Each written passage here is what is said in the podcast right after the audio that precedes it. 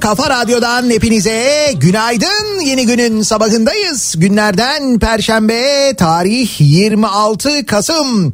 7'ye 6 dakika geçiyor saat. Soğuk bir İstanbul sabahından sesleniyoruz. Türkiye'nin ve dünyanın dört bir yanında bizi dinleyen ve özellikle Türkiye'nin birçok şehrinde sen oraya soğuk mu diyorsun bir de buraları görsen diye hayıflanan dinleyicilerimize. Önde zeytin ağaçları arkasında. Önde zeytin ağaçları arkasında yar. Sene 946 Mevsim sonbahar Mevsim sonbahar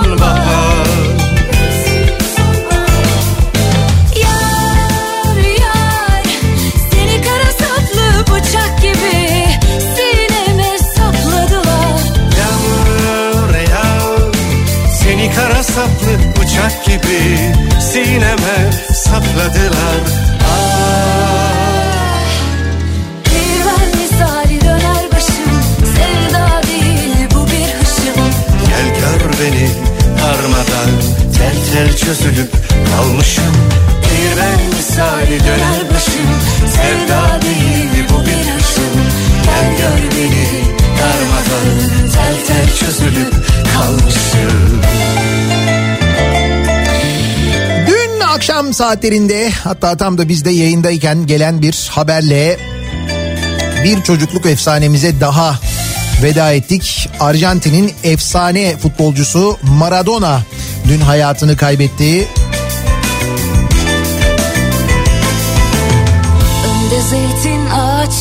Düşünün ki e, öyle efsane bir oyuncudan bahsediyoruz.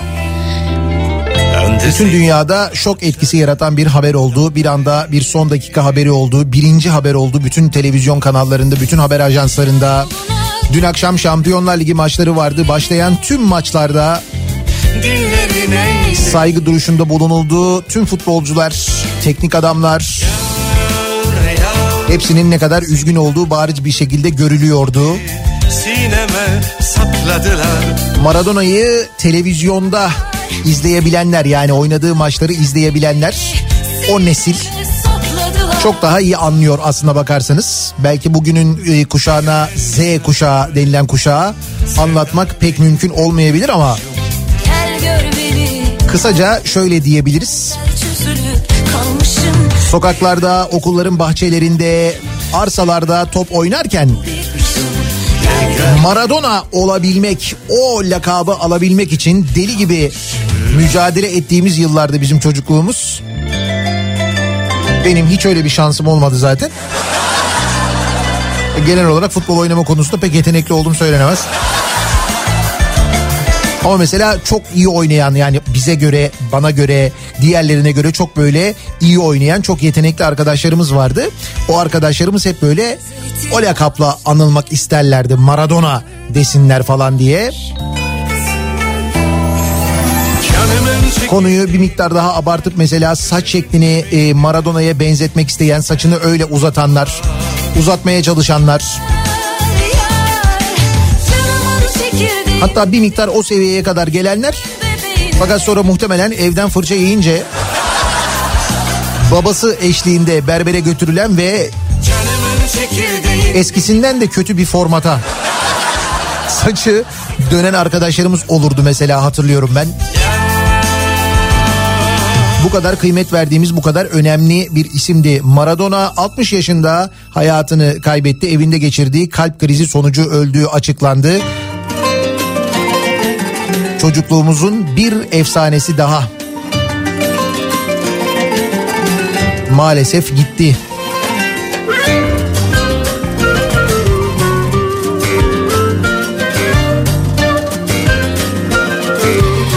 Başka şehir efsanesinin daha yıkılışına dün aynı zamanda tanıklık ettik. Tam da Maradona'nın hayatını kaybettiğini öğrendiğimiz saatlerde Sağlık Bakanı Fahrettin Koca düzenlediği basın toplantısında vaka sayılarını açıkladı. Hani bizim en baştan beri doğru söylenmiyor, e, doğru rakamlar bize verilmiyor. Mücadelenin çok başarılı olduğunu söylemek için bu sayılar insanlardan gizleniyor. Gerçek vaka sayısı bu değil, durum vahim dediğimiz Hatta bu konuyla ilgili mesela Türk Tabipler Birliği'nin açıklamaları sonrasında Türk Tabipler Birliği'ni hedefe oturtan, haklarında denmedik laf bırakmayan, onları bölücü yapan, onları terörist yapan, daha neler neler söyleyen siyasetçileri hatırlıyorsunuz değil mi? Türk Tabipler Birliği diyordu vaka sayısı çok yüksek. Doğru rakamlar verilmiyor. Bakın durum gerçekten vahim falan diye. Geldiğimiz nokta şu.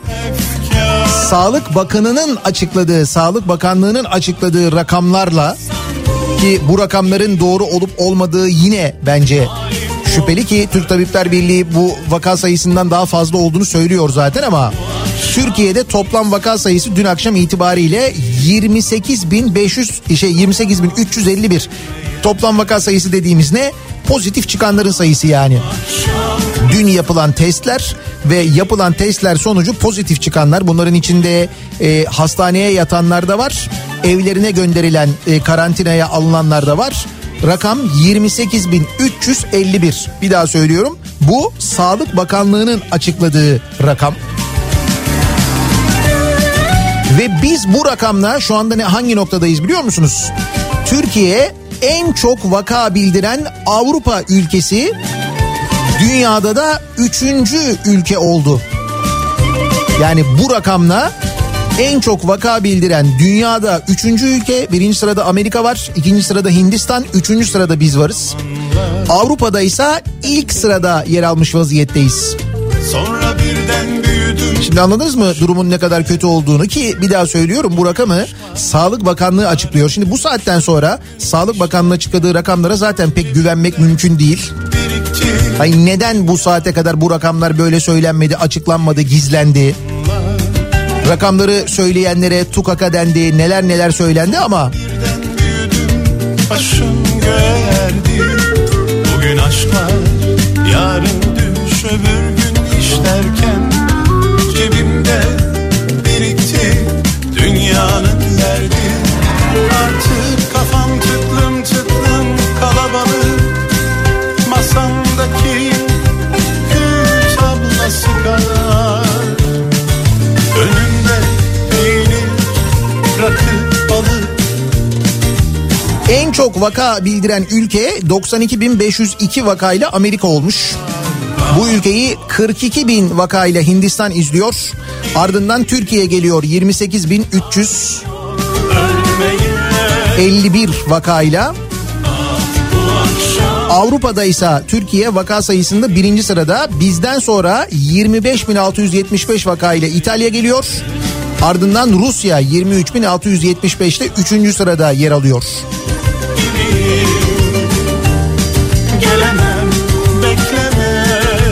Şimdi tabii bu rakamları bu şekilde açıklayınca Sağlık Bakanı dün e, tepkiler peşi sıra geldi.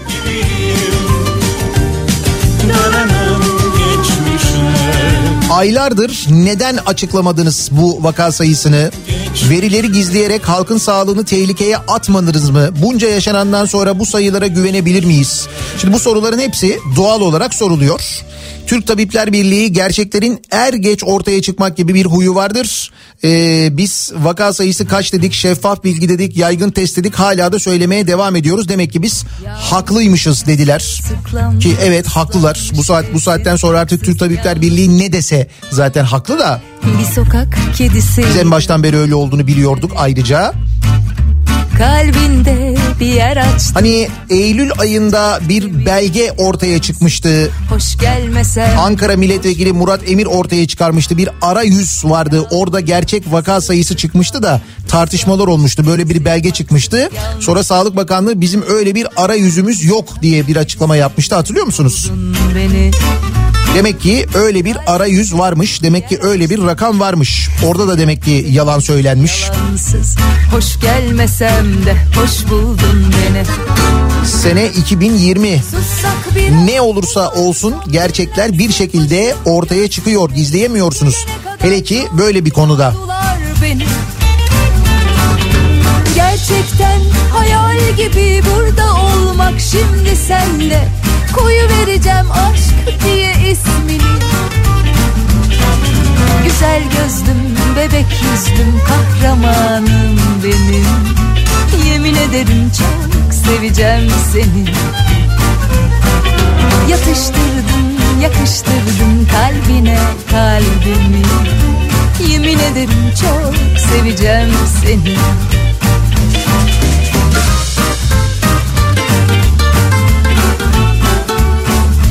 Neresi burası? Ankara İstanbul otoyolu can kurtaran mevki. Eksi 4.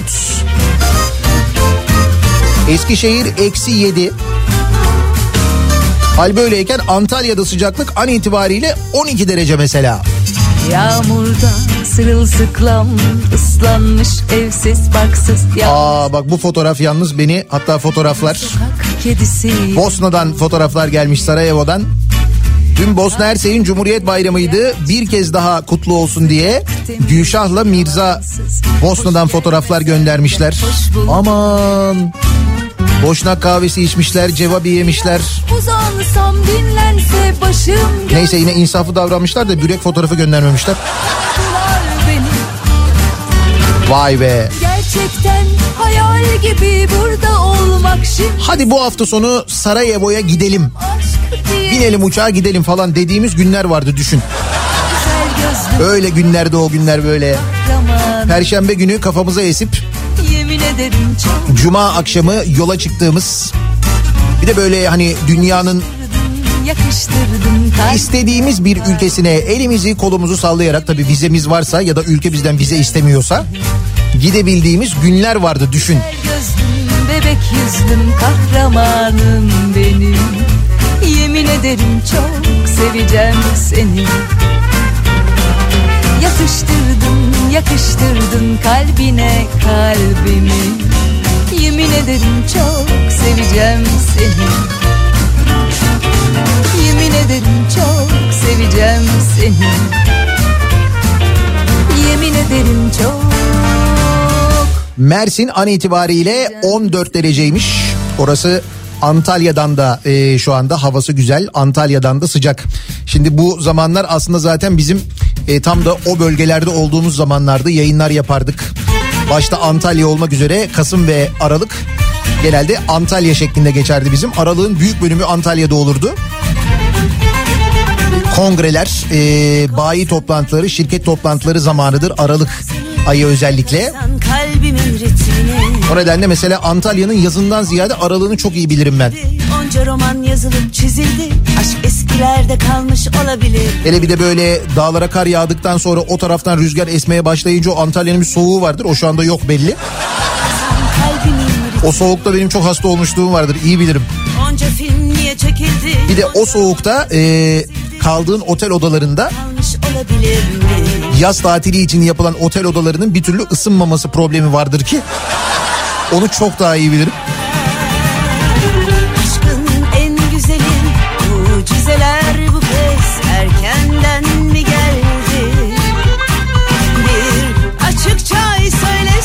Şair bari Buluşsak sokaklar gibi Aşkın en güzeli Mucizeler bu kez Erkenden mi geldi Bir açıkça söylese Konya yolu eksi bir, Bozüyük eksi dört. Bu tabi buzlanma da olabileceğini gösteriyor. Aman dikkate.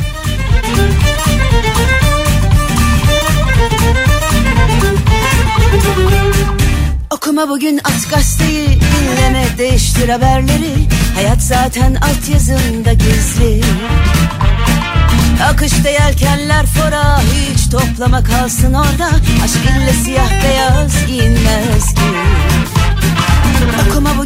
Peki bu vaka sayıları ile ilgili gerçek rakamlar açıklanınca ki dediğim gibi bir de altını çizerek söylüyorum. Bunun da doğru olup olmadığından çok emin değiliz. Ama çok yüksek bir rakam zaten gerçekten. Hani eğer daha da fazlaysa daha da vahim. Bu rakamları bu kadar zaman sonra bize açıklayınca siz böyle kendinizi biraz rencide olmuş hissettiniz mi mesela? Bu aralar biliyorsun rencide olmak epey bir popüler. söylese İşte o rencide olup olmama konusu ile ilgili önümüzdeki dakikalarda uzun uzun konuşacağız. Ama yine e, başka haberler de var. Hem de çok enteresan haberler var. Zam haberleri var mesela. Dün gece yarısından sonra benzine gelen sağlam bir zam haberi var ki o üzerine bir şarkı çalmayı da hak ediyor zaten. Abini imar müdürü yapan belediye başkanı var ki yaptığından e, yani yaptığı zaten yanlış ama açıklamaları bence çok daha güzel. Yani sırf açıklamaların eğlencesinden bence kabul görebilir yani öyle söyleyeyim. Onun için Rize'nin Çayeli ilçesine gideceğiz mesela.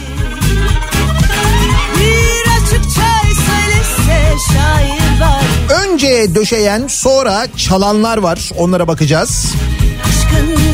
Güzeli Yine gündemi Danimarka'yı kıskandıracak bir güne birlikte başlıyoruz. Canımız memleketimiz Türkiye'de. Sokaklar gibi Nasıl bir sabah trafiğiyle yola çıkıyoruz? Hemen dönelim ona bir bakalım. Kalk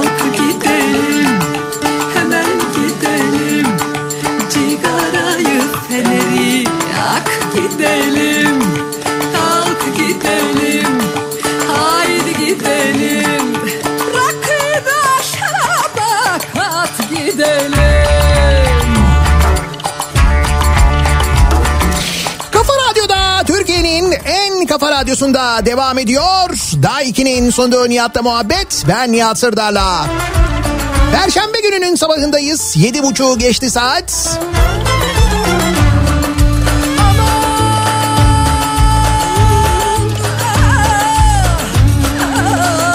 Önce döşediler sonra çaldılar haberiyle başlayalım. Kaderimiz.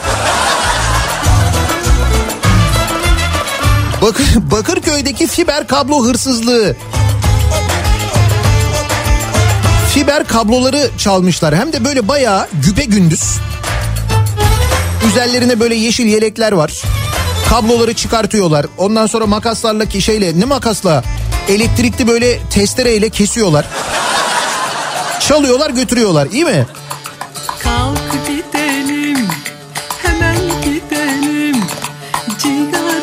Akıl almaz hırsızlık güvenlik kamerasına yansıdı. Görüntülerde gündüz vakti fosforlu yelekle gelen şüphelilerin motorlu hızarla kestiği fiber kabloları kamyonete yükleyip çaldığı görülüyor. Kimmiş onlar? Bir süre önce kabloları döşeyen taşeron firmanın çalışanları olduğu öğrenilmiş. Yeşilköy'de oturanlar internet bağlantılarının olmadığı gerekçesiyle Türk Telekom'u aramışlar.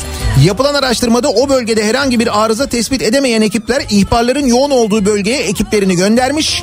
Fiber kabloların çalındığını gören görevliler durumu Bakırköy İlçe Emniyet Müdürlüğü'ne bildirmiş. Araştırma başlatan polis inceledikleri güvenlik kameralarından hırsızların geldiği kamyonetin plakasını tespit etmiş. Orhan G gözaltına alınmış. Orhan G'nin yanında bulunan kardeşi Selim G, Mercan K ve Harun Ç.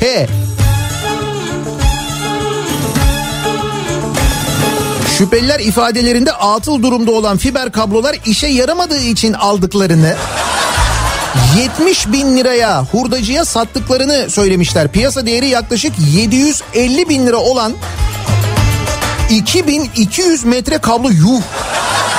2200 metre kablo mu çalmışlar? 2.2 kilometre. Bakırköy'de İstanbul'un göbeğinde gündüz. Motorlu testereyle kimse de bir şey dememiş mi bunlara? Siz ne yapıyorsunuz birader diye.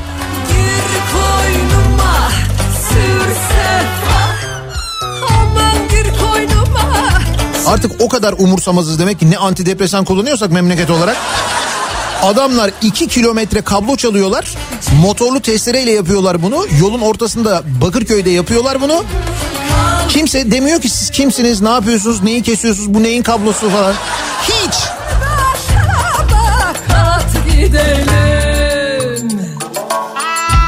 Fazla antidepresan. Söylüyorum. Ya da biz kendi kendimize öyle bir savunma mekanizması geliştirdik artık hiç ilgilenmiyoruz hiçbir konuyla. Takmıyoruz yani.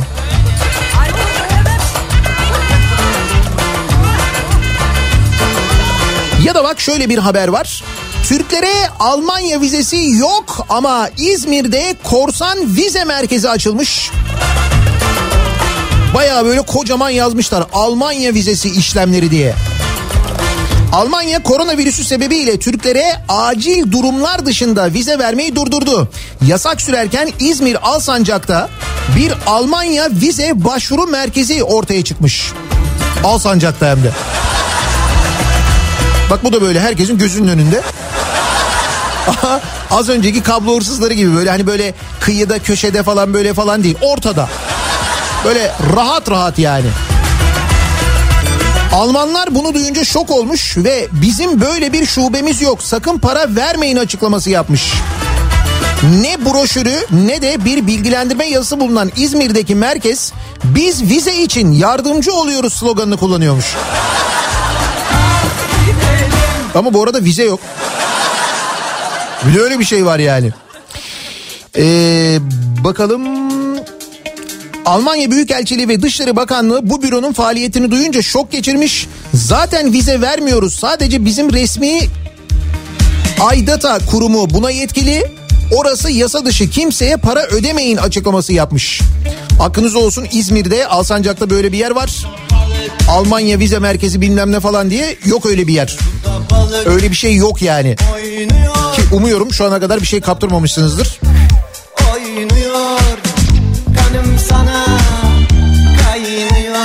Kaldı ki niye Almanya vizesi alıyorsunuz ki? Burası daha eğlenceli. Öyle canım biz daha eğlenceliyiz. Bak mesela şimdi Almanya'da böyle bir şey olur mu? Ee, Çayeli Belediye Başkanı abini imar müdürü olarak atamış. Şimdi bu aslında zaten bir haber de. Yani olmaması gereken bir şey de. MHP'li Rize Çayeli Belediye Başkanı İsmail Hakkı Çiftçi abi İbrahim Çiftçi'yi imar müdürü olarak atamış.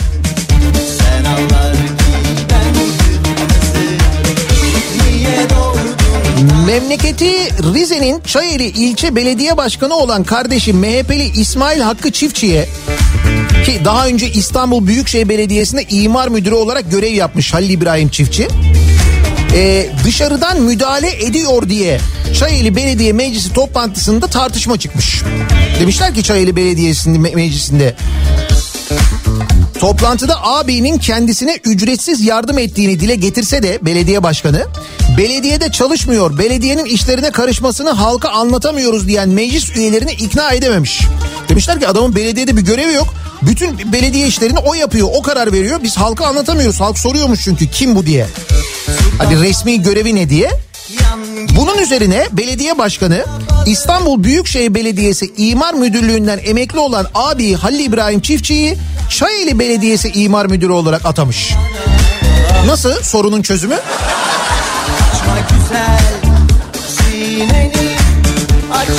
İmar konusunda ağabeyinin çok fazla tecrübesi olduğunu söyleyen Başkan Çiftçi, ağabeyinin annesini ziyarete geldiği zaman kendisine de yardım ettiğini, belediye başkanı ama bu arada o. Yani ziyarete geliyor geldiğinde biraz yardım ediyor yani. Göreve başladığımızda Çayeli Belediyesi'nin ciddi anlamda birikime ihtiyacı olduğunu gördük.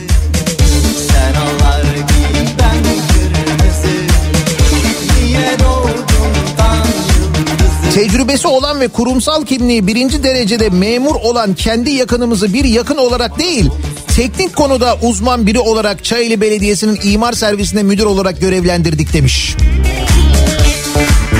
Ve kendinden biz diye bahsetmiş tabii o ayrı bir şey de.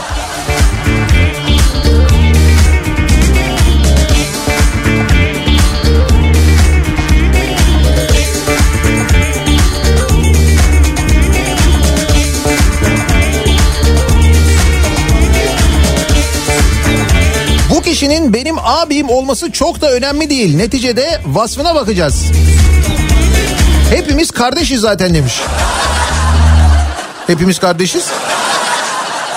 Hepimiz. Güzelmiş bu. Demek ki belediyelerde artık bundan sonra böyle olacak. Canım ne var hepimiz kardeşiz neticede yani. Benim kardeşim artık bu kadar yani hani birinci derece yakınını getirecek kadar. O kadar rahatız bahanemiz de bu hepimiz kardeşiz.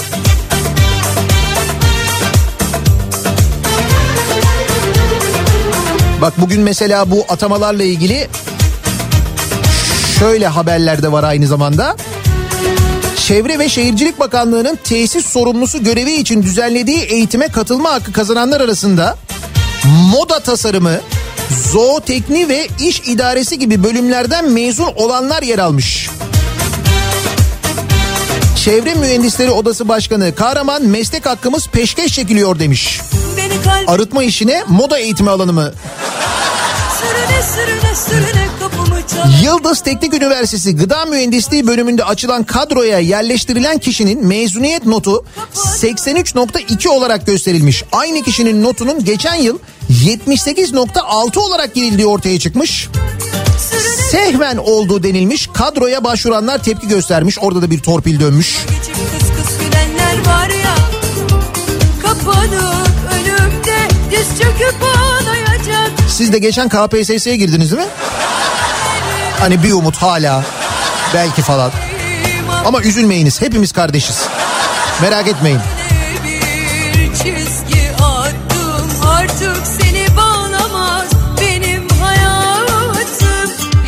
Akreditasyon Kurumu diye bir kurum var. Ee, geçen sene de konuşmuştuk galiba değil mi? Hani bu kurumun hiçbir iş yapmadığı halde epey böyle bir para harcadığıyla alakalı. Gıda alanındaki ürünlere helal sertifikası vermek için. O da yeni çıktı. Bizde öyle bir şey yoktu zaten. Maksatla kurulan e, ve sertifika veren Helal Akreditasyon Kurumu bütçeden 6,5 milyon lira daha almış. Kuruma 26 milyon 319 bin lira para ayrılmış. 2018'de kurulmuş 26 milyon 319 bin lira para ayrılmış. Bugüne kadarki bütçenin önemli bölümü binanın bir de binaları var bunların. Tefriş ve tadilatıyla personel maaşlarına harcanmış. 5 yönetim kurulu üyesi, 4 daire başkanı, 50 kişilik personeli var Helal Akreditasyon Kurumu'nun. Ayrıca 2021'de bir makam aracıyla 17 kişilik bir minibüste satın alınacakmış. Bugüne kadar 26 milyon lira bütçe ayrılmış. Peki kaç tane helal e, akreditasyonu yapmış, kaç tane helal sertifikası vermiş biliyor musunuz? 3. bilenler var 26 milyon lira harcanmış bugüne kadar bütçe ayrılmış. Bu kadar personel saydım size 3 tane vermişler. Demek ki zor almak. Ha, öyle düşünebiliriz. Ya da 26 milyonu 3'e böldüğümüz zaman bir sertifikanın maliyetinin ne olduğunu çıkarabiliriz.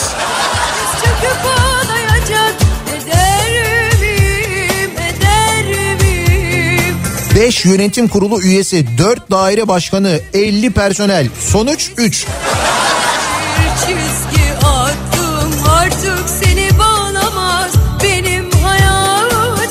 Bu arada benzine zam geldi.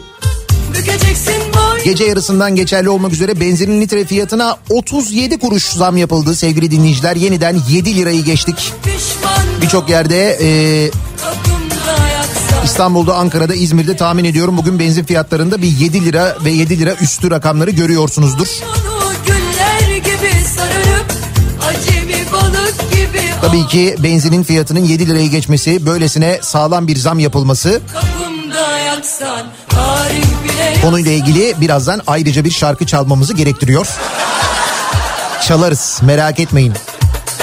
Bütün bunlar yaşanırken memleketimizde işte bu helal akreditasyon kurumunda böyle paralar saçılırken torpiller havada uçuşurken o sırada emeklerinin karşılığının peşinde olan madencilerin yaşadıklarını bilmiyorum takip ediyor musunuz? Çünkü e, gösterilmiyor, anlatılmıyor. E, ana akım medya denilen aslında ana başka bir şey medya demek istediğim ama radyoda olduğum için şu anda söyleyemediğim o medyada yer almıyor. Ama bakınız Ermenek'ten Ankara'ya yürümek isteyen maden işçilerine neden yürümek istiyorlar bir daha söylüyorum. Haklarını almak istiyorlar haklarını. Yıllarca çalışmışlar, işten çıkarılmışlar. Hiçbir tazminatları ödenmemiş, paraları verilmemiş, ceplerinde 5 kuruş paraları yok. Toprak altında çalışmışlar yıllarca. Haklarını isteyen işçilere, Ankara'ya yürümek isteyen işçilere jandarma ve polis müdahale etmiş.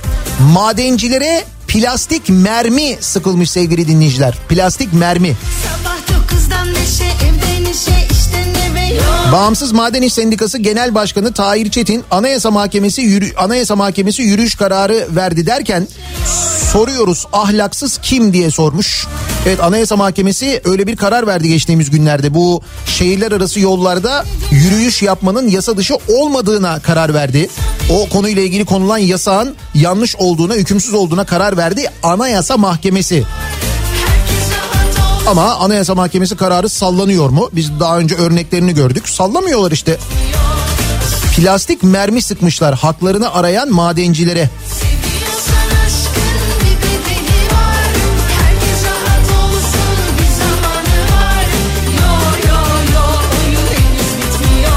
Hep söylüyorum ya adalet ne kadar önemli. Ee, adaletin olmadığı yerde her şeyin olmasını bekleyebiliriz. Böyle vaka sayılarının yanlış açıklanmasını, aylarca bizden gizlenmesini, sonra böyle hiçbir şey olmamış gibi birdenbire açıklanmasını da bekleyebiliriz. Hakkını arayan işçilere bu şekilde muamele edilmesini de bekleyebiliriz. Ya da mesela mahkeme dur dediği halde, yapma dediği halde mesela Saros körfezini talan etmeye başlamalarını da görebiliriz. Dünya harikasıdır, bir cennettir Saros körfezi ve oraya gemi iskelesi böyle dev gemilerin e, yanaşacağı boru hatları ve petrol taşıma AŞ BOTAŞ tarafından yapılacak bir iskelenin inşaatına başlanmış. Üstelik bu konuda e, iptal davası var. Oradaki yaşayan herkes karşı çıkıyor fakat adamlar haldır haldır inşaat yapmaya başlamışlar. Buyurun. Gitti Saros Körfezi de.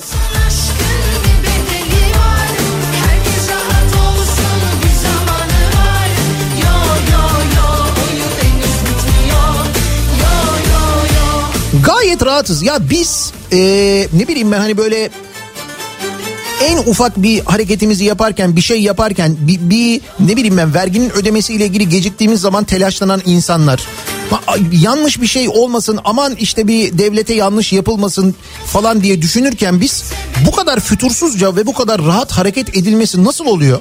Ya mesela şunu nasıl yapabiliyor adam? Şimdi gitmiş e, bir tane çeşmeyi restore ettirmiş. Tarihi bir çeşmeyi. 1748 yılında 24. Osmanlı Sultanı 1. Mahmut tarafından inşa ettirilen ve yine bu padişahın ismiyle anılan tarihi Vezir Çeşmesi.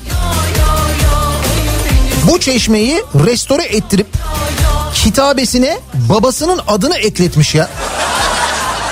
Ve bunu yapan kim biliyor musunuz? AKP milletvekili Ahmet Hamdi Çamlı. Hani bu Yeliz diye bildiğimiz arkadaş var ya. Daha dün konuşmuştuk. Yazdığı mektuptan ya da attığı mesajlardan tam olarak bir şey anlayamadığımız. 1748 yılında yaptırılan tarihi çeşmeyi restore ettirmiş, babasının adını yazdırmış.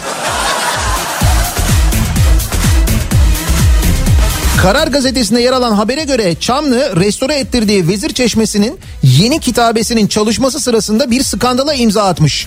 Yenilenen kitabede çeşmenin kurucusu Osmanlı Padişahı 1. Mahmud'un isminin yanına Çamlı'nın babasının adı olan Zeki Ahmet Çamlı ismi eklenmiş.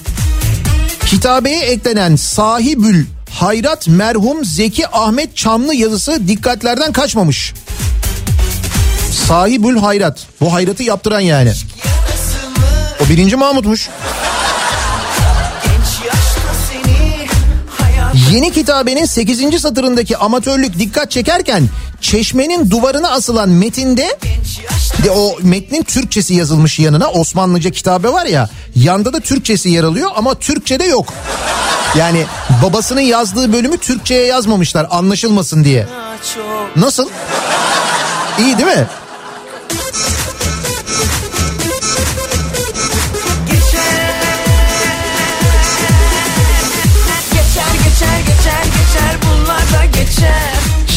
Bu haberi duyunca mesela ne hissettiniz?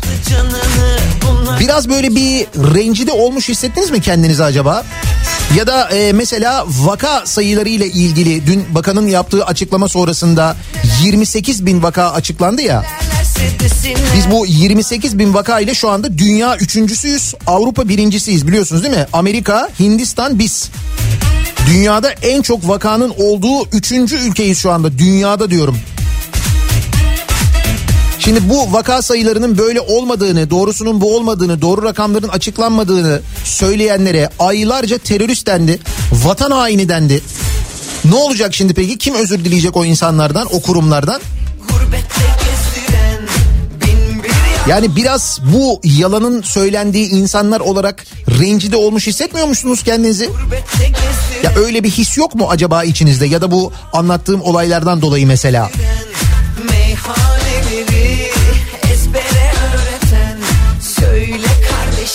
Ya da mesela bu ihaleleri duyduğumuz vakit hissettiğimiz duygu bizim de acaba rencide olmak olabilir mi?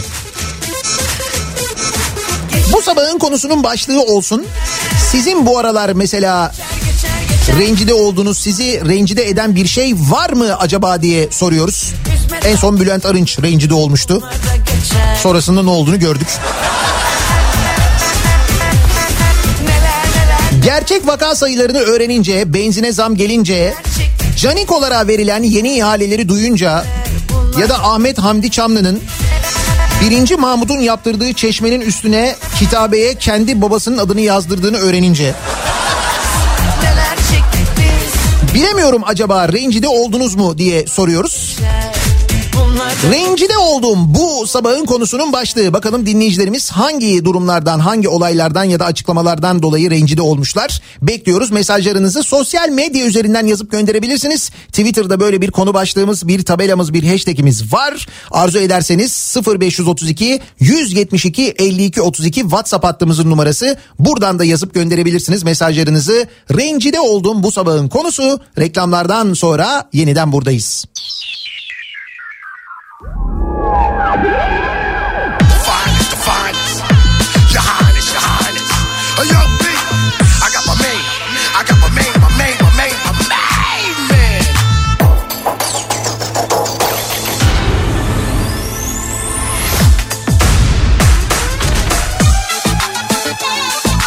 Oh, Radyo'da Türkiye'nin en kafa radyosunda devam ediyor. Daiki'nin sunduğu Nihat'la muhabbet. Ben Nihat Sırdar'la. Perşembe gününün sabahındayız. Fonda çalan şarkıdan da anladığınız üzere sağlam bir zamla başlıyoruz yeni güne. Gece yarısından sonra benzine gelen 37 kuruşluk bir zam var. Benzinin litresi 7 lirayı geçti yeniden.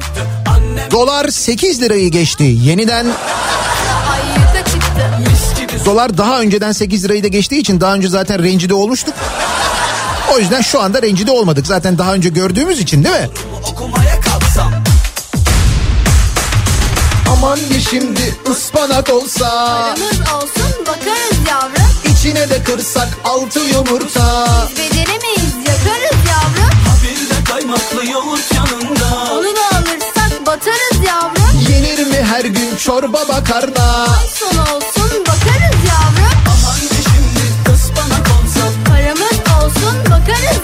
Rencide oldum bu sabahın konusunun başlığı. Siz neden rencide oldunuz acaba diye soruyoruz dinleyicilerimize.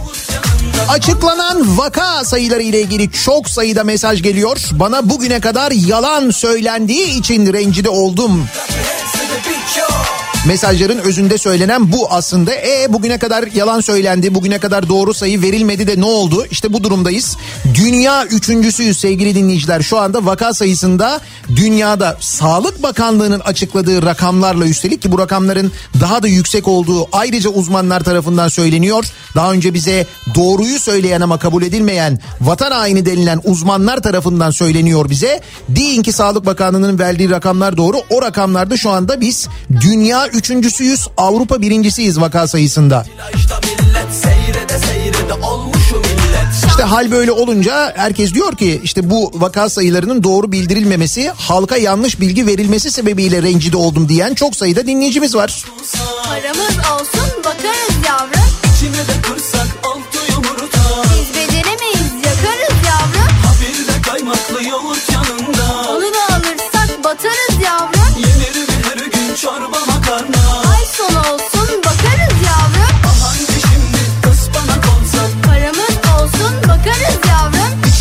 kırsak altı yumurta. Biz beceremeyiz Rize Çayeli Belediye Başkanı'nın kardeşi olmadığım için rencide oldum.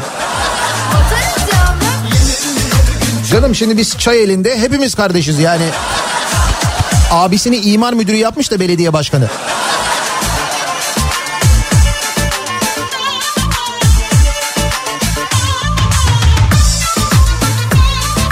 Öğretmen maaşlarının milli eğitime en büyük yük olduğunu öğrenince rencide oldum. Ama kimseye söylemedim. Kıymetli ve çok liyakatli yöneticilerimiz üzülüp rencide olmasın diye diyor öğretmen bir dinleyicimiz göndermiş. Uçtan bağlı kollarımız elimiz Boş ver deme sakın bana anne Yediden yetmişe açma halimiz Aferin sana aferin. 75 milyon yetmez. Bizim gibi ülkeye 75 milyar olmalıydı. Ne o? Dışişleri açıkladı. Türkiye Afganistan'a 75 milyon dolar yardım yapacakmış. Ha bunu söylüyorsunuz. 75 milyon az diyorsunuz. Rencide oldum diyorsunuz. Afganistan'a 75 milyon dolar yardım mı yapıyormuşuz? E tabii çünkü bizde biliyorsunuz öyle yardıma ihtiyacı olan, muhtaç olan, mesela ekmeğe muhtaç olan kimse yok onu biliyoruz. En yetkili ağızlar öyle açıklama yaptılar. Hatta bir dönem askıda ekmek falan deniyordu. O biliyorsun hemen ortadan kalktı o kampanya bitirildi falan.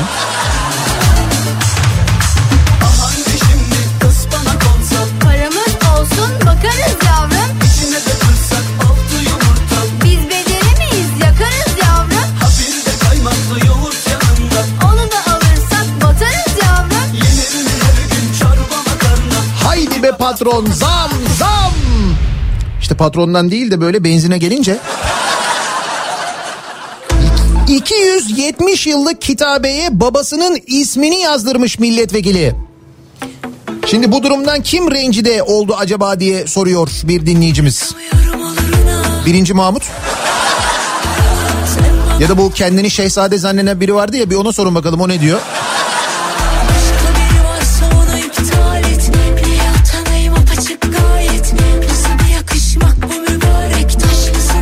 Tek bir hastayı açıklarken gözleri dolan Fahrettin Koca'nın dün akşamki rahatlığından rencide oldum diyor mesela. Serap göndermiş. Gel göstereyim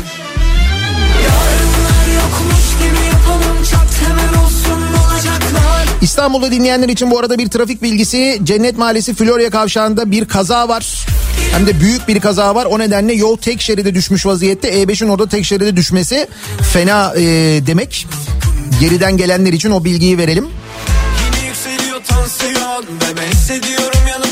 Ankara'da yaşarken Ankara Büyükşehir Belediyesi'ni 3 harflerin yönettiğini öğrenince rencide oldum diyor İzmir'den Yusuf. Ya böyle bir 3 harfli muhabbeti var değil mi? Fethullah Gülen 3 harflerle Melik Gökçe'nin zihnini mi ele geçirmiş? Öyle bir şey olmuş. Olmuş mudur? Ne var ne yok meziyetim Gel göstereyim Emeklilikte yaşa takılanları görmeyip Afrika'daki ülkenin borcunu ödeyince rencide oldum diyor EYT'li bir dinleyicimiz. Fan kime olacaksın cüretkar Dilime dudağıma karış affetme Yürü sarışınma Bu arada memleketi Çayeli olan dinleyicilerimiz var. Rizeli olan, Çayeli olan. İtiraz ediyorlar biz kardeş değiliz diyorlar. Yani itiraz eden var. Anka Park'ın söküleceğini duyunca rencide oldum. 750 milyon dolar ödenen yere bir defa olsun gidemedim diyor Ankara'dan Yusuf. Hayır siz gitmediniz başka milyonlarca turist gelecekti onlar da gelmedi. Ben şahsen turistler gelmeyince rencide oldum. Hatta o rencide olmanın da verdiği suçluluk duygusuyla Ankara'ya her geldiğimde o kapıların altından geçerken mutlaka kapıların bir fotoğrafını çektim mesela. O kapılar sayesinde turizm merkezi olacaktı böyle bir çekim merkezi olacaktı ya Ankara. O kapıların da tanesine kaç yıl önce 5 milyon lira ödenmişti hatırlıyor musunuz? 5 milyon lira. Ya 5 milyon bugün bile büyük para da. Bu benim bahsettiğim herhalde 10 yıl var değil mi? 10 yıl oldu mu o kapılar yapılalı? Sıfırladım kendimi de seni de lakin Sende maraza çok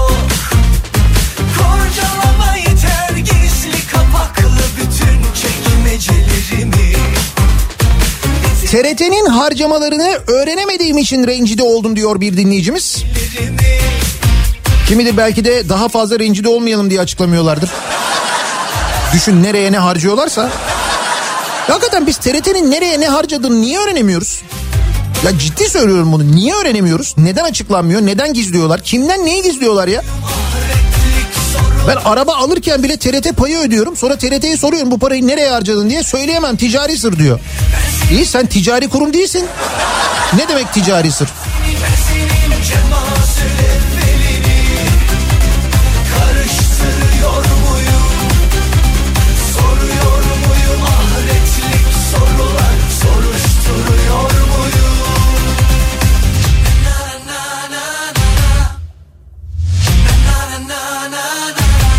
Benzine büyük zam geldi mazota da gelmezse rencide olurum diyen var.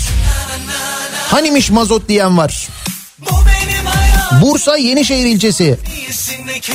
Olcay göndermiş. Ha, oradaki yeni akaryakıt fiyatlarının mesela 7 lira 9 kuruş olmuş. Benzinin litresi Bursa'da 7.9. Motorin de 6.32.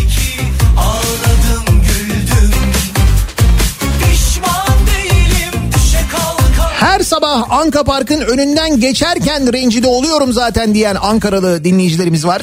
Ben senin ben senin ben senin Ben neden rencide olayım ya? Halkı kandıranlar rencide olsun diyor Antalya'dan Özkan. Bilmem böyle bir istifa çağrısı falan var. Halka yanlış bilgi ver- verildi bu, bu vakte kadar. Şimdi gereğini yapacaksınız diye soruluyor ama. Şahan Kızıl çok doğru yazmış aslında. Bence çok da doğru bir tespit. Diyor ki kapanma olması gerektiği söylendiğinde insanlar aç kalır diyenlere devletin pandemide herkesi evde tutma ve aç bırakmama sorumluluğu olduğunu hatırlatmak isterim. Bu yapılmıyor diye yaşama geçirilmesi gereken doğru uygulama değişmiyor. Bunu talep etmek de yanlış olmuyor. Aslında çok güzel özetlemiş bence. Devletin böyle bir görevi, devletin böyle bir ödevi var. Devletin bunu yapabilecek bir kudreti yok mu? Eğer yoksa bu kadar toplanan vergiye rağmen, bu kadar bütçeye rağmen eğer bu yapılamıyorsa o zaman demek ki o işi yapanlarda bir yanlışlık var demektir. Yapamıyorlar demektir aslına bakarsanız. Ben senin, ben senin, ben senin, ben senin, ben senin, ben senin,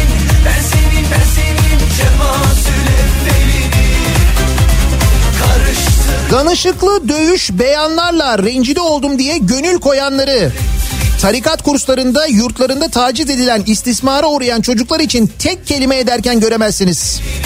Yine böyle bir istismar haberi var bu arada. Bugün muhtemelen konuşulur. İstanbul Maltepe'de Zümrüt Evler Kur'an kursunda çocukların cinsel istismara maruz kaldığı iddia edildi. Gizlenmeye çalışılan istismar yargıya taşınmış sevgili dinleyiciler. İstanbul Maltepe'deki Süleymancılara ait olduğu iddia edilen Zümrüt Evler Kur'an kursunda 3 çocuğun cinsel istismara maruz bırakıldığı e, öne sürülmüş. İstismara tanıklık eden öğrenci durumu hocalara bildirmiş. Hocalar ve kurs yetkilileri büyütülecek bir şey yok yanıtını vermiş. Ancak aile suç duyurusunda bulunmuş. Anadolu Cumhuriyet Başsavcılığına yapılan suç duyurusunda suçu gizleyenlere yönelik soruşturma Zümrüt Evler kursunda uzunca süreden beri istismar suçu işlenmekte denilmiş. Ailenin avukatı Demirdöğen yaptığımız araştırmalarda anlatılanların buzdağının görünen kısmı olduğunu gördük demiş. Burası İstanbul Maltepe Zümrüt Evler. İstanbul'un göbeğinde oluyor bunlar. Ben yaralı kurt, sen kınalı kuzu Biraz cilve aşkın, biberi tuzu Sanki biraz naz ediyorsun ama Ermenekli madencilere olan ilgisizlik ve onlara yapılan muameleye muameleyi görünce çok rencide oldum. Babamın hakkını verin diye bağıran çocuk sonra Ankara'ya yürümek isteyen madencilere sıkılan plastik mermiler. Sanki biraz naz ediyorsun ama Senin bana gönlün var gibi gibi Yüzüme karşı git ama Sanki gözlerin kal der gibi gibi Ülkelerin nüfusuna oranla vaka sayısında birinciyiz.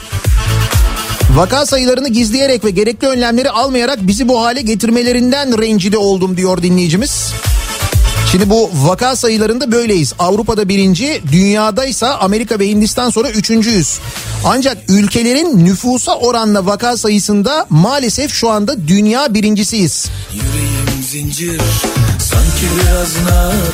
Ve bu arada dün Sağlık Bakanlığı'nın açıkladığı sayıya PCR testi negatif ama akciğer tomografisi ile tanı konmuş vakalar dahil değilmiş. Profesör Doktor Güner Sönmez yazmış bunu.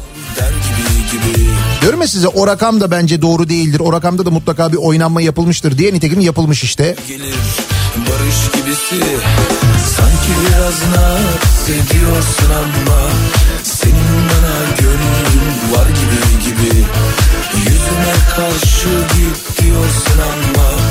Bu ülkede gerçekten rencide oldum diyebilecekler. Mesela Türk Tabipler Birliği. Neler söylendi değil mi Türk Tabipler Birliği'ne? Ekrem İmamoğlu mesela gerçek sayıları açıkladı. Mansur Yavaş yapmak istedikleri engellendi. Hala engellenmeye devam ediyor Ankara Büyükşehir Belediyesi Meclisi'nde. Tunç Soyer'in depremdeki çalışmaları görmezden gelindi, gelinmeye devam ediyor. Hatta sus konuşma deniyor. Şimdi bu insanlar mesela rencide oldum diyebilirler ki rencide oldum yaşadıkları karşısında pek de naif kalıyor aslında rencide olmak. var gibi gibi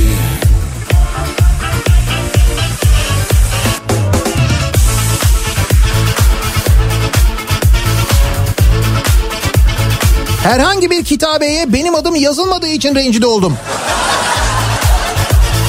Canım siz de restore ettirin siz de yazın. Öyle yapabiliyor muyuz? Bir Osmanlı eserini mesela restore ettirip oradaki kitabeye biz de böyle ekletebiliyor muyuz? Olabiliyor mu öyle bir şey yani?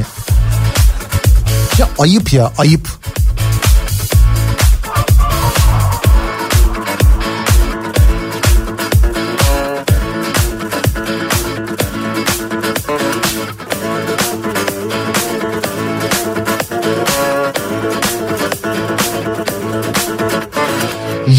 Önce Atatürk'ün sizin kendinize mi güveniniz yok yoksa Türk hanımının iffetine mi sözlerinin 2020 yılında bile geçerli olması. Ama bu hale çok rencide oldum ben. Bir fotoğraf var bugün gazetelerde belki göreceksiniz. Kaymakamlığın bahçesinde öğretmen yemin töreni düzenleniyor. Kadın öğretmenlerle erkek öğretmenler farklı masalarda yemin ediyorlar. Haremlik selamlık durum var sevgili dinleyiciler. Öğretmenler göreve başlıyorlar. Öğretmen yemini ediyorlar. Kaymakamlığın bu bahçesinde, kaymakamlığın bahçesinde herhalde. Evet kaymakamlık bahçesinde bir yemin töreni düzenleniyor ve o yemin törenine haremlik selamlık yapılıyor. Erkek öğretmenler bir yerde, kadın öğretmenler başka bir yerde. Adıyaman'ın Gölbaşı ilçesi burası. hükmeder Çığlık Sene 2020. Hatıralar hepten zarar Bizde yazlar kıştan kara. Ölmediysen önce Allah'a Sonra şansına şükrettin doğru. Ne zalim senden sonra kaçtım Sırılsıklam aşktan geçtim. İliklerime kadar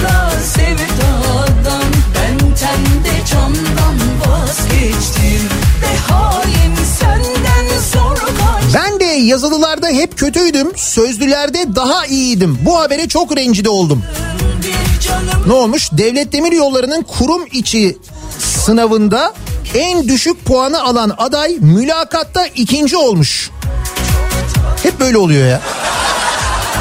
Sınavda düşük puan fakat bakıyorsun mülakatta bir puanlar alıyorlar. Sonra o puanı alan da öğreniyoruz ki işte birinin amca oğlu ötekinin dayısının bilmem nesi teşkilattan falan.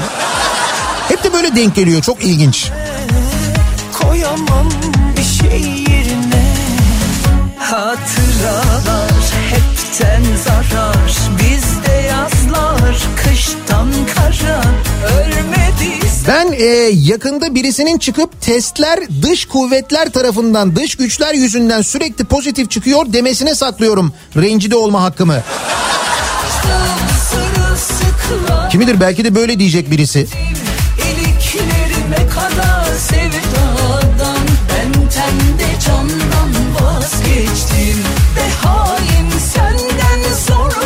Eski Hazine Bakanı dolarla mı maaş alıyorsunuz dediğinde rencide olmuştum dolarla maaş alamadığımız için.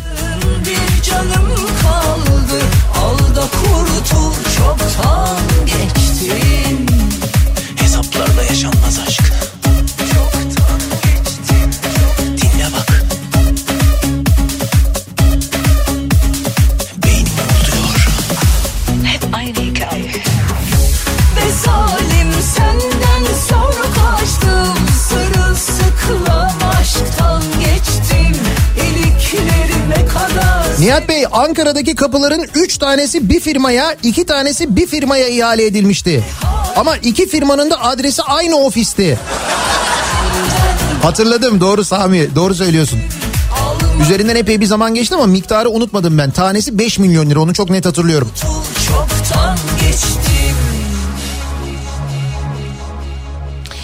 Sizin rencide oldum dediğiniz neler var acaba soruyoruz bu sabah dinleyicilerimize. Rencide oldum bu sabahın konusunun başlığı. Benim babamın adını çeşmeye yazmadıkları için rencide oldum diyenler var.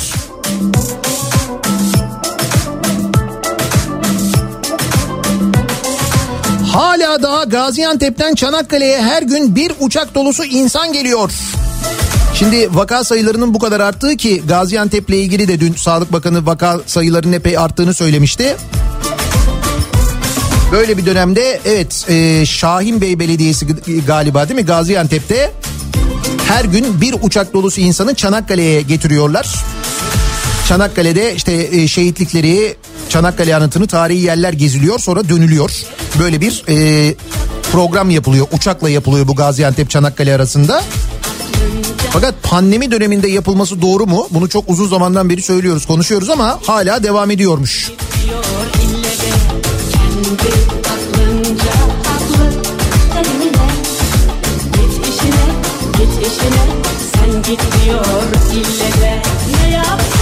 Her vergi yapılandırması ve vergi affından sonra maaş bordroma bakınca rencide oluyorum.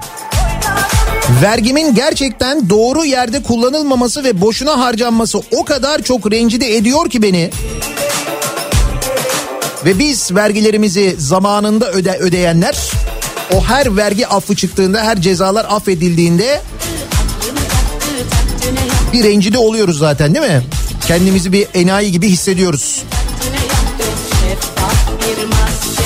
18 yıl önce arabamız olmadığı için rencide oldum diyor Antalya'dan Levent.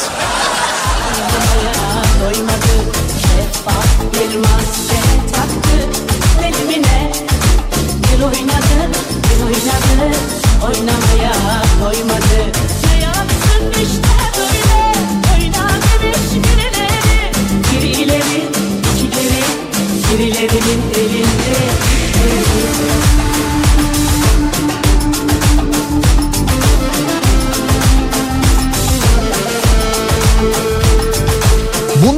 Hasta ve vaka sayılarındaki rakamların yalan ve yanlış beyan edilmiş olması.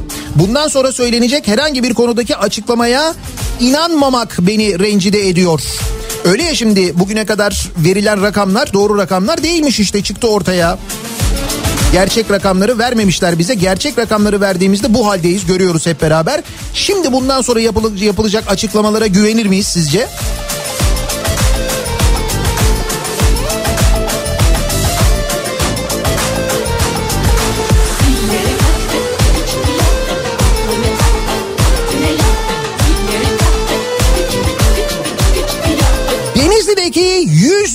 100 milyon lira harcanan horozu her gördüğümde rencide oluyorum. Ama 18 yıl önce Denizli'de horoz yoktu ne haber?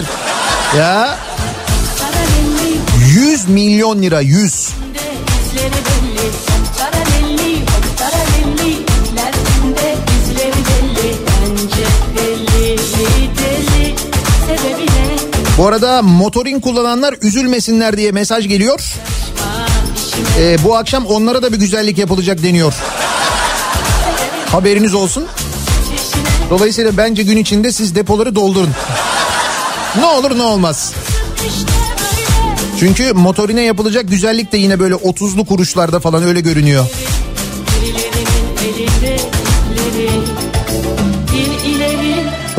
Oldum bu sabahın konusunun başlığı. Siz neden rencide oldunuz acaba diye soruyoruz dinleyicilerimize. Reklamlardan sonra yeniden buradayız.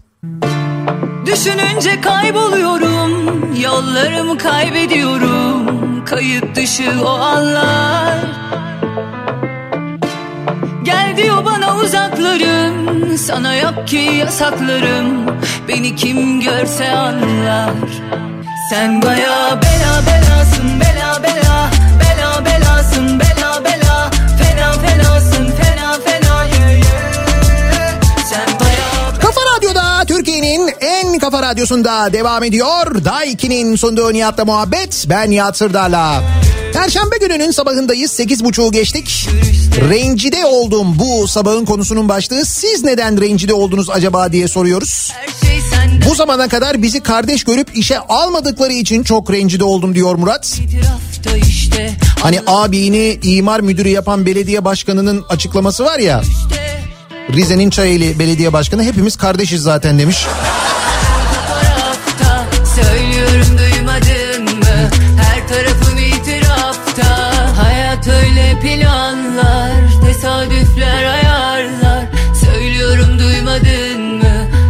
Tarafım itirafta Ülkedeki hasta sayısına göre aşı verileceği için gerçek sayıyı açıklamak zorunda kalmaları. Bundan dolayı mı acaba gerçek sayı açıklandı?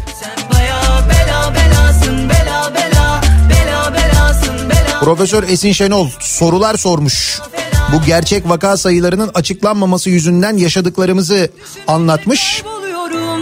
Yollarımı kaybediyorum. Diyor ki dün salgın verileriyle ne duyduk? Zaten biliyorduk o yüzden öğrendik demiyorum. Haziran açılışlarından sonra turkuaz tablodaki veriler gerçek veriler değil. Gerekçe bizi ilgilendirmediğinin düşünülmesi. Ama o veriler neden bilinmeliydi biliyor musunuz? O veriler bilinse bütün hastaneler pandemi koşullarında çalışmaya çevrilecek ve sağlık çalışanları ölmeyecekti. O veriler bilinse okullar açılmayacak, öğretmenler ve veliler hastalanmayacak, ölenler ölmeyecekti. O veriler bilinse insanlar ellerini kollarını sallayarak girecekleri kalabalıklara girmeyebilecekti.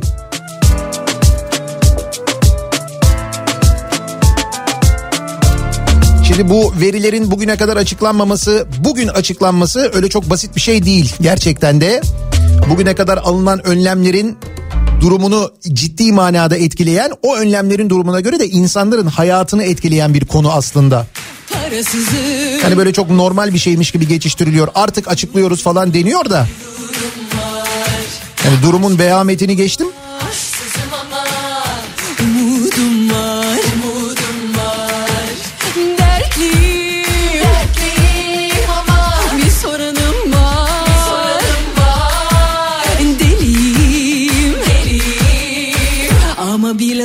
Saros körfezini kaybediyoruz. Dava sürecinin devam etmesine rağmen Keşan'a bağlı Sazlıdere'de doğalgaz limanı iskelesinin yapımına başlandı.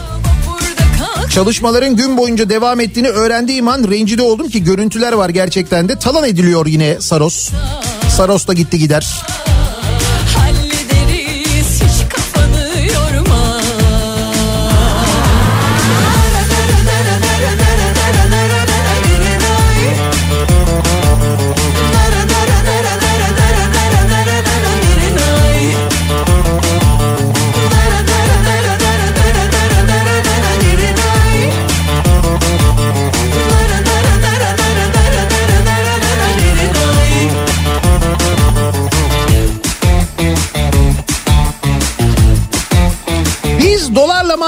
Maaş almıyoruz ama aşıyı dolarla alıyormuşuz. Bunu duyunca rencide oldum diyor Saygın. Öyle mi? Dolarla mı alıyoruz? Yok canım. 50 milyon Çin aşısı alıyormuşuz. Bununla ilgili imzayı attığımızı, anlaşmayı yaptığımızı açıkladı dün Sağlık Bakanı. Çin'in geliştirdiği aşıyı alıyormuşuz 50 milyon adet.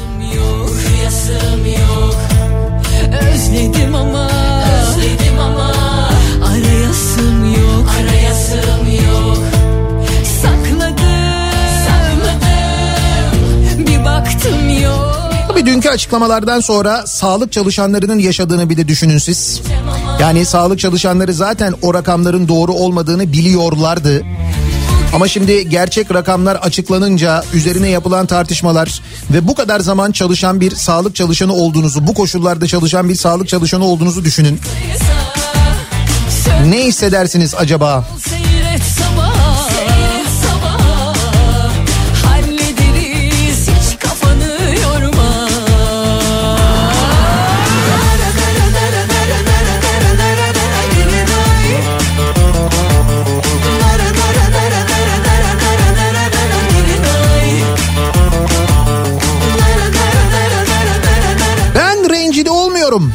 20 senedir devletin mallarını parsel parsel satanlar için çalıyor ama çalışıyor diyenler herkes olsa yandaşına ihale verir deyip yıllarca onlardan nemalananlar bunu normalleştirenler rencide olsun. O sizin söylediğiniz utanma. Utanma duygusunun olması lazım. Onların utanması lazım da ben pek utanacaklarını sanmıyorum. Bugüne kadarki tecrübelerime dayanarak söylüyorum. gibi çıktıysa Böyle yönetilmekten rencide oluyorum diyor İzmir'den İlker göndermiş.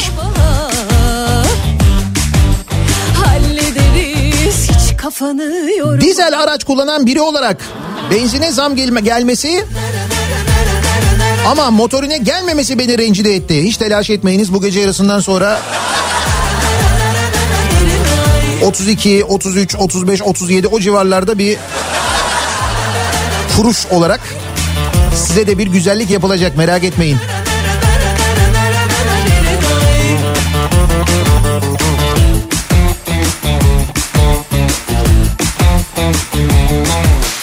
Ne oldu da rencide oldunuz diye soruyoruz. Rencide oldum bu sabahın konusunun başlığı.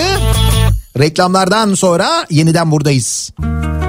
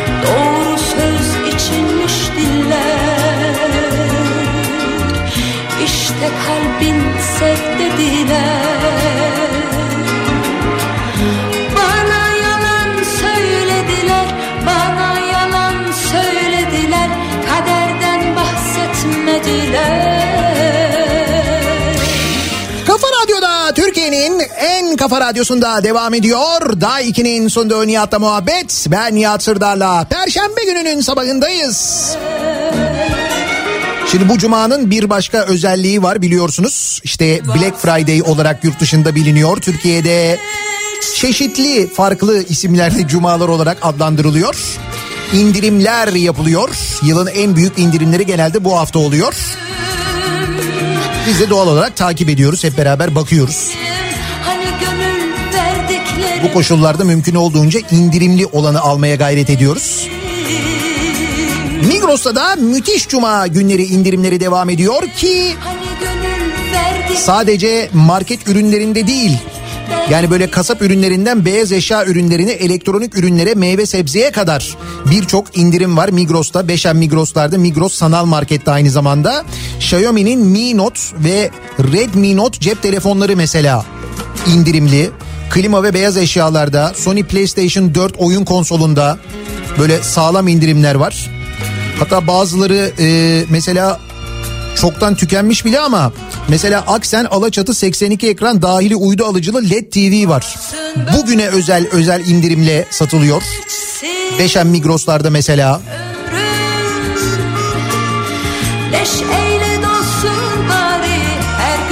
Bugün ve yarın son iki gün zaten.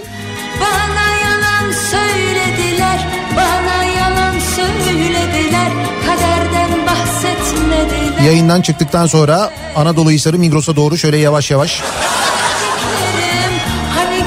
Cenker'cim bir gidip gelebiliriz. Baktım rakamlara da.